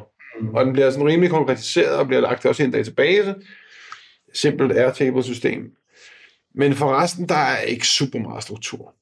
Det er der altså ikke. Der er ikke nogen uh, magic formula, og jeg synes ikke selv, jeg er hyperformer jo. Måske ikke den traditionelle forstand, men det interessante er jo det der, det er jo for mig at se, lyder det jo som virkelig en god proces for dig. Ja, ja, det, jeg elsker det. Det er deep work, uden at det kan blive kaldt det øh, på den traditionelle. Mm. Det er virkelig øh, nede i der, hvor det betyder noget, ikke? Der har det, der, der, der, striver jeg, der har det, der har jeg min egen fest, altså shit, man, hvor jeg har det godt der. Ja. Så. Skal vi, øh, skal vi bevæge os ned i? Vi skal så småt til at, Ja. mod slutningen af ja. den her podcast. Vi har jo øh, holdt på dig en times tid nu, øh, Morten. Så jeg tænker, vi rammer den, vi indtil videre her i Mere-podcasten kalder Spåmand. Ja. Mm. Sådan tre hurtigt til at lukke ned på. Øh, Mike, Ja, vil du øh, fyre den af? det vi har. Morten, du var en del af .com-bølgen. Mhm. Hvad bliver midt-slut 2020'ernes næste leap i markedet, som folk gerne vil udvikle sig, og Gro skal holde øje med for at være foran? Uh, ja. Er 10 år foran. også, ikke? Så det vil vi lige lukrere lidt på her, ikke? Ja, altså, det, det, ser, det, ser, det, det er der allerede, men der, man kan bare ikke få fat i produktet. Eller i, i, i skismet. Altså, det, det bliver det her med, at... Og nu putter jeg bare juice i min egen ananas, eller hvad det hedder. Lækkert. Øh, men, men sådan er jeg jo. Øhm, Rabarber i din egen uh, pink min green. egen pink grape. Jeg var lige... Så lige rab, rabarber. Araber. Ej, skal vi holde. Øhm, altså, det kommer til at handle om at forstå alt det, der ligger imellem klimakrisen og biodiversitetskrisen. De to ting er jo forskellige. Ja. Den ene er jo ikke, det, det, det, ene, det ene er, at vi bare har braget af brugt alt det olie, vi overhovedet kunne, og svinet så meget, vi kunne. Ja. Det var nok nødvendigt at lave fire revolutioner, altså industrielle revolutioner, for at komme derhen. Og så det der med biodiversiteten. Og så den sidste krise, som jeg, jeg har berørt den før, det er jo simpelthen, at folk, altså mennesket, bliver, øh, de bliver syge af, altså der fandtes ikke det, vi kender som stress, der findes ikke det, vi kender som mavesår, der findes ikke det, vi kender som hjertekarsygdomme, før de store byer blev etableret. Nej. Og skærme. Så det er tre ting, altså ja, men så kan vi også sidde og sige, ja, det er også forfærdeligt med alt det der Instagram. Jeg synes bare, Instagram er røvhammerne fedt, for jeg elsker godt design, og jeg, jeg kan bare sidde og se lækre ting, og kan lære alt muligt. De der reels, de, de æder min tid på den lækreste måde med at fortælle mig alt muligt lækker ingeniørkunst. Jeg elsker det. Men de der, i, de, i, det der, i den triangel mellem øh, klimakrisen og biodiversiteten, og, og, og det, vi kan bare kalde det stress. Ja. Og hvis, i, i den triangel der, øh, der er uendelig forretning. Og jeg, starter, jeg sætter mig meget gerne i midten og laver mine små byer, men det er jo ingenting. Altså, det er jo ingenting at kunne... Om vi så får lavet 1000 byer, inden jeg dør. Jeg håber på 10.000, men... Så får lavet 1000 byer, inden jeg dør, så er det jo ikke andet end gang 100 mennesker, så er det 100.000 mennesker, der kommer til. Det er jo, det er jo et, lille pro- et kæmpe marked. Der skal bygges 6 million, milliarder kvadratmeter nye bygninger i Europa. 15 millioner kvadratmeter nye bygninger i Kina i de næste 10 år. Så, så ja, vi kommer ikke til at få noget af markedet, men, men, men, men jeg tror, øh, det, det, det, det, det vi legede lidt med her, altså det var jo totalt øh, børnelam med at, at tale om nogle følelser, og ligesom også være til stede på den måde, imens vi bare bliver hamret til med information. Ikke? Mm. Ja. Altså det der øh, nummer, øh, antal af impressions, du får på sådan en dag, i Mac- der var en, der hed McClure, han havde sagt, at det var 10.000 i gamle dage, da der kun var almindelige billboards. Ikke? Nu har han altså en skærm, der er det sygeste billboard hele tiden foran dig. Det er der, øh, det er der hvor der ligger sådan nogle usandsynlige, ubegribelige muligheder. Og der er jo ikke noget teknologi. Vi har jo al teknologien. Vi kan jo bare mixe den. Vi skal bare mixe, mixe teknologier. Så det er inden for software, sportstech, medtech, alt. Alt. alt. Discorden, di- Discorden, hvor du kan sidde og tale med folk. Altså, en af de andre ting, jeg har lavet under min paraply af Adventures, der kommer til at være i, i landsbyen, er en, øhm, en forsikring til digitale nomader. Det er jo en, det er en anden ting. Den burde næsten have sit eget punkt. Men det der med, at folk kan arbejde remote. What a change. Ja, det er helt vildt. Det flytter noget. Altså, det bliver sådan noget, der, er der, vi havde regnet med det, vi havde regnet med det at være 20 millioner af dem. Der er muligvis 60 millioner af dem nu, der bare flytter sig rundt og arbejder, hvor det passer, og det vokser hurtigere end noget andet, vi har set. Så der har jeg lavet en lille, insur, en lille forsikring, en, en, healthcare, en, livs, en healthcare-forsikring, sygeforsikring til digitale nomader. Det er det hurtigst voksne virksomhed, jeg har været med til. Det, den har jeg lavet, som, fordi jeg kan sige, at den er under min paraply. Der kommer til at være mange digitale nomader i mine byer. Fordi de er nationalspecifikke nu. Det er så umuligt, altså det er så umuligt med sådan en forsikring. Det har taget os fem år at lave den lorteforsikring, så alle kunne bare signe ind, og den hedder Genki, genki.world, dårligt navn. Men altså, den vokser, den vokser sådan noget 80% om måneden, antallet af brugere, eller subscribers, de, de, de folk, der får. Så det er, også, det, er jo, det er jo klart, altså hvis, hvis vi kunne eksportere den der velfærd, vi har her i landet, så ville alle jo have Det er et eksempel på en, en øh, slags teknologi, en innovation, som... mikro. Ja. Ja, ja.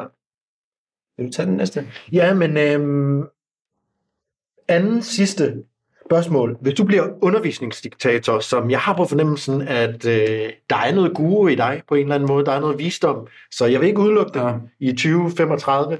Øhm, folkeskolen, det er det, det handler om egentlig. Mm-hmm. Det er, hvilket fag skulle vi øh, give vores børn i folkeskolen, så de kunne, øh, så man kunne disrupte folkeskolen lidt. Noget, der vil give dem noget med, noget, som vi ikke har nu, øh, med din hjerne. Jeg har ingen tvivl om, at inden det her, vi snakker 10 år frem, der kommer alle uddannelser til at være 50-50 praktisk og teoretisk, og du kan lege det hele ind. Altså prøv at tænke på vores, altså vores øh, lille chat-GPT-veninde. Altså du kommer til at kunne lege det ind, og så også meget praktisk. Altså vi laver en, vi starter med at lave en, den, jeg tror den bliver releases til sommer, et, et program, som jeg kan, jeg kan ikke se, hvorfor det ikke, det, det kommer alle til, at gerne vil have. Altså prøv at tænke på, hvordan vi bliver nødt til at opgradere os selv også. Så, så folkeskolen, det er det, vi skal leve af fra, fremover. Det er de mennesker, der er derinde. Det er vores talentfabrik. Hvis det var en fodboldklub, vi var helt enige om, vi skulle satse på talenterne, ikke? Ja. Eller en eller anden sportsklub. Der, der bliver det sådan, at at det bliver at du leger dig ind i tingene, du, du, du lærer, at du skal... Øh, min gået- min, min ene datter har gået på KEA, og for, det var 6-7 år siden, hun gik der. Så kom hun hjem og sagde, nej, vi skal lave den her business, vi skal lave den her øh, idé-konkurrence. Altså, de skulle hele tiden lave idéer og præsentere dem. Og der var lige så meget foran på den er sindssygt god uddannelse i øvrigt, KEA. At øh, så siger jeg, ah, men så kunne I gøre sådan noget, så siger du, nej, nej, nej, far, du er sindssyg, mand. Det skal da være en sustainable idé. Du kan, ikke, du kan ikke komme med idéer, der ikke er sustainable. Altså, det var på KEA for syv år siden. Så, så de der børn, de kommer bare til at lære at, at lave produkter, samle og skille nogle øh, biler, nogle huse og nogle øh, motorcykler og nogle ting ad, og så forstå på den måde, hvad det er, der er inde i. Og så kommer de til at forstå, hvordan de kommer til at være øh, sindssygt øh, øh, øh, afklaret og, og inde, dybt inde i, hvad er energi? Hvad, hvad, hvad, hvad er det for noget energi, vi bruger? Fordi nu har vi jo heldigvis lært det. Altså, altså Putin, han har jo skubbet, hvis, hvis, hvis Thunberg, hun skubbede os hen til at have lidt forståelse omkring det her problem med, med miljøet, så har Putin ligesom sat os i gang. Ja. Og nu ved vi jo alle sammen, hvor mange kilowatt vi bruger, når vi ellers øh, sætter en hårdtør ja, til, eller sætter drætter ovnen, eller hvornår vi skal vaske om nat. Fordi vi ikke kan få gas i bluset. Det bliver bare helt, det bliver helt integreret i deres, deres hverdag. Ja. Og så bliver det noget med, det bliver super underholdende at gå i skole. Det bliver super fedt. De kan, de kan bare få 20 TikToks, de lige kan sidde og se, og så kan vi få en quiz i dem bagefter. Bum. Ja. Altså, det bliver jo mega sjovt at gå i skole. Game, gamify måske. Ja, men altså, ja, underholdning. Så det bliver totalt under, god underholdning. Og så bare en test til sidst. Det, det, er jo- det er jo super nemt. Altså, det er jo engang raketvidenskab. Og så noget praktik ud. Altså, jeg, jeg håber jo, at øh, en af mine øh, børn vil ende med at blive håndværker. Der, så tænker jeg selv på at gå i, øh, gå i sådan en, øh, en ekstra lang øh, tømmerlærer. Dig selv? Ja. Det var da sygt fedt at kunne et fag. Altså, der er ikke noget møbel, du ikke har lyst til, som du ikke kunne lave selv. Det koster 900.000, hvis du skal have det fra Karl Hansen. Ja. Du kunne bare lære at bøje det selv. To skruer og en hammer. Ja. Ja. Den praktiske intelligens og det der med at vide, hvad man arbejder med. I en verden, hvor alt er til alt, ja. Ja. alt viden er tilgængelig, men hvordan virker det så? Ja. Og hvordan dyrker du nogle grøntsager og noget, alt det der? Jeg har en øh, møbelsnedker, jeg skal introducere dig for, som øh, apropos. Det har jeg altid godt kunne tænke mig at sige til Morten Lund. Øh, han er sindssygt dygtig. Karl Hansen har han et møbel hos, en sammenklaplig gyngestol til øh, små lejligheder. Ja. Så bring him on. Bring him on. Det, Bare han ikke er doven. Så håber jeg også, at de ikke bliver dogne. Jeg hader dogne mennesker. Jeg hader det. Jeg er træt af dogne mennesker. Jeg står så tidligt op selv og jeg kæmper så for det hele. Så skal jeg sidde og høre på nogen om, hvor svært det også er, for de skal ned og hente børn, og det er også formand i badmintonklubben. Fuck! Jeg gider ikke høre om det. Den sidste ting øh, her i mere podcasten, ja. Ja. det bliver lige at sige, vi lukker lige ned på at sige, mm, hvis vi så skal tage det, øh, nu har vi kaldt dig en high performer, vi har snakket om dine din superkræfter, mm. det skruer vi så lige lidt ned for. Øh, vi har fået det nuanceret lidt her, ikke? Du er innovator, og dit arbejde med Elle Ville, der mm. sætter du dogmer op. Du kan ja. godt lide at arbejde med dogmer. Ja. Hvis du skal give nogle dogmer videre med til dem, der sidder og lytter derude, som gerne vil gøre mere af det, de gør, øh, bare bedre. Hvad, altså, hvad, hvad for nogle dogmer tænker du, man kan arbejde med, hvis man skal have tre konkrete? Fandme den dårligste at spørge i verden, altså. Men jeg tror, man kan bare arbejde med sin nysgerrighed. Ja. Så må man være nysgerrig, også selvom det måske kunne være, at... Altså, nu er der mange af dem, der hører det her, som arbejder med Mike, som har en chef, og som arbejder i, en virk- i virkeligheden. Altså, jeg arbejder ikke i virkeligheden. Jeg arbejder i mit eget lille fan- noget fantasiunivers. Hvis man har en chef, og jeg møder dem jo tit i fond, kapitalfonden og rundt omkring, hvor jeg kommer, så må man simpelthen sætte sig ned og tænke over, hvordan kunne jeg gøre min, øh, min kollega dobbelt så god? Uden at tænke på mig selv. Mm. Så bliver man med en stjerne i de der psykopatorganisationer. Ja. Mm. Hold kæft, hvor vil man blive god. Bare regne med ham derovre, han gør det uden egen vinding. Han er bare overskud. Og hvis du sidder og tænker over, hvordan ham der bliver, bliver dobbelt så god, så bliver du garanteret helt sikkert også bedre selv. Det tror jeg kunne være en rigtig interessant måde at gøre det på. Det kunne være et dogme. Så, så må du bare, så, så kan jeg ikke fatte, og jeg kan også godt være hård med mine egne børn. Nogle gange så må jeg sgu undre mig over, at øh, ej, det, er ikke, det er ikke meget, altså, de er godt nok vanvittigt gode til det, men nogle gange så, så spørger de mig om et eller andet, hvor jeg bare må sige, what the fuck tror du Google findes for? Altså, hvad fanden i helvede har der ikke researchet det her for? Hvordan kan du møde op, uden at være forberedt, ja. eller vide alt om ham der? Jeg synes, det er skønt at komme her i dag, at du har kigget på det, og se der, du ved, jeg holder de der øh, øh, brainstorm sessions, eller ja. netværksmøder. Det er da vidunderligt. Ja. Og kæft, hvor møder jeg til en eller anden journalist, som, ej, du kan ikke drømme om at have researchet mig. Jeg, har research, jeg ved meget mere om dem, jeg ved, hvor mange børn de har, og hvor de kommer fra, og alt muligt mærkeligt. Ja. Ej, det ved de sgu ikke. Nej. Så det der med at bare lave deep research, og der har vi jo så toolet over alle tools nu, med vores lille chat GPT. Jeg er så færdig, mand. Holy shit, en ja, research, der kommer ud af det der, ikke? Men jeg synes jo faktisk, der var tre råd øh, her, Morten, for der var jo øh, nysgerrigheden, Ja. men også ligesom næstekærligheden i dit arbejde. Kig på, kig ud af. Prøv at gøre nogle andre bedre på ting, hvor, ja. hvad det kræver, det, og det, er jo, det passer også til det, vi skal lære. Vi skal lære alle sammen nu at stille spørgsmål til den her kunstig ja. intelligens. Altså ikke bare stille spørgsmålstegn ved den, det skal vi også, men vi skal stille, lad os stille nogle spørgsmål. Altså, kære ChatGPT, må du ikke lige skrive den her tekst med en lidt øh, mere door-opening, California-style attitude, mm. og lægge lidt det facts, og lave lidt facts ind. Så går tre sekunder senere, så, og så må du også godt mixe den med Monty Python. Bum. Ja. Så det der med at lære at stille spørgsmål til den, ja. det, det må være Nysgerrigheden, nysgerrigheden. Næstekærligheden, og til sidst så havde du så det, jeg måske vil kalde disciplinen. Du bliver nødt til at have styr på Ja, det. nej, det er nødt, Jeg ikke- nødt til at Men anerkende. jeg vil gerne lige tage, det der det er faktisk ja. ret interessant, fordi at, jeg tror jo på, at kvaliteten af mit liv, dit liv, Mortens liv, vores alles liv, det er i høj grad styret af de kvalitetsspørgsmål, vi stiller os selv. Ja, ja. Og desto bedre man er til at stille gode spørgsmål til os selv, hvilket er en intelligent hjerne, det kan man jo koble over til chat GPT, så vi skal være gode til at stille spørgsmål. ja. De rigtige spørgsmål. Og det bedste, er- vind- vinderen er den, der stiller det bedste spørgsmål. Ja. Rigtig passende at lukke ned på. Øhm, Morten, det har været en fornøjelse. altså, jeg, er helt, jeg har lige fået gåsehud. Det er ikke så tit, jeg gør det. Øhm, men det, det var bare lige fordi, når noget klikker, ikke? Jeg er meget stolt af. I er også gode til det her, I skal blive ved. Nu skal I bare lave en 600-700 afsnit. vi kører. Tusind tak, fordi du kom, og tak, fordi du berigede vores, øh, både vores podcast, vores lyttere og alle jer lyttere, der lytter med. Øh, også bare mig. Det var godt at se dig. Det var lang tid siden, vi har siddet sammen. Det er godt. Sådan her. Jeg har været meget på telefonen. Tak fordi I lyttede med derude. Vi snakker lidt videre. Den ruller bare over i underteksterne her, eller hvad Ja. hedder det, rulleteksterne, Ja. eller sådan noget. Der kommer der lidt til øh, at bygge lidt musik på her. Så jeg så ikke også lige få det oversat til engelsk, altså voicet over til engelsk, det her. Det kunne jeg godt tænke mig at se, hvordan vi gør. Fedt. Vi ses. Ja. Mercy.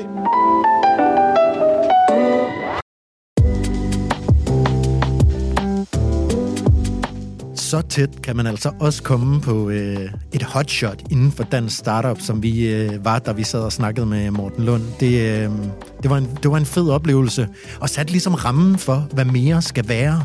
Jamen mere skal jo i den grad handle om at udvikle sig, og i udviklingen, der vil man skulle møde sin frygt. Og i den her episode, der var jeg virkelig spændstig på grund af, at det var en lille smule intenst. Lyt med næste gang, når vi har Gyldendals kommunikationschef Niels Overgaard i studiet.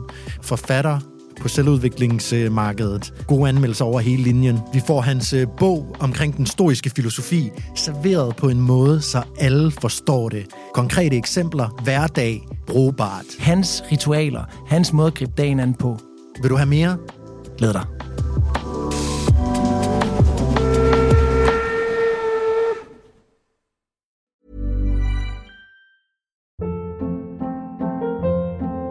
Hold up. What was that? Boring. No flavor. That was as bad as those leftovers you ate all week. Kiki Palmer here, and it's time to say hello to something fresh and guilt-free. Hello Fresh. Jazz up dinner with pecan-crusted chicken or garlic butter shrimp scampi. Now that's music to my mouth. Hello Fresh. Let's get this dinner party started. Discover all the delicious possibilities at hellofresh.com.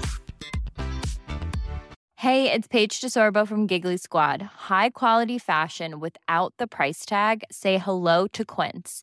I'm snagging high-end essentials like cozy cashmere sweaters, sleek leather jackets, fine jewelry, and so much more. With Quince being 50 to 80% less than similar brands.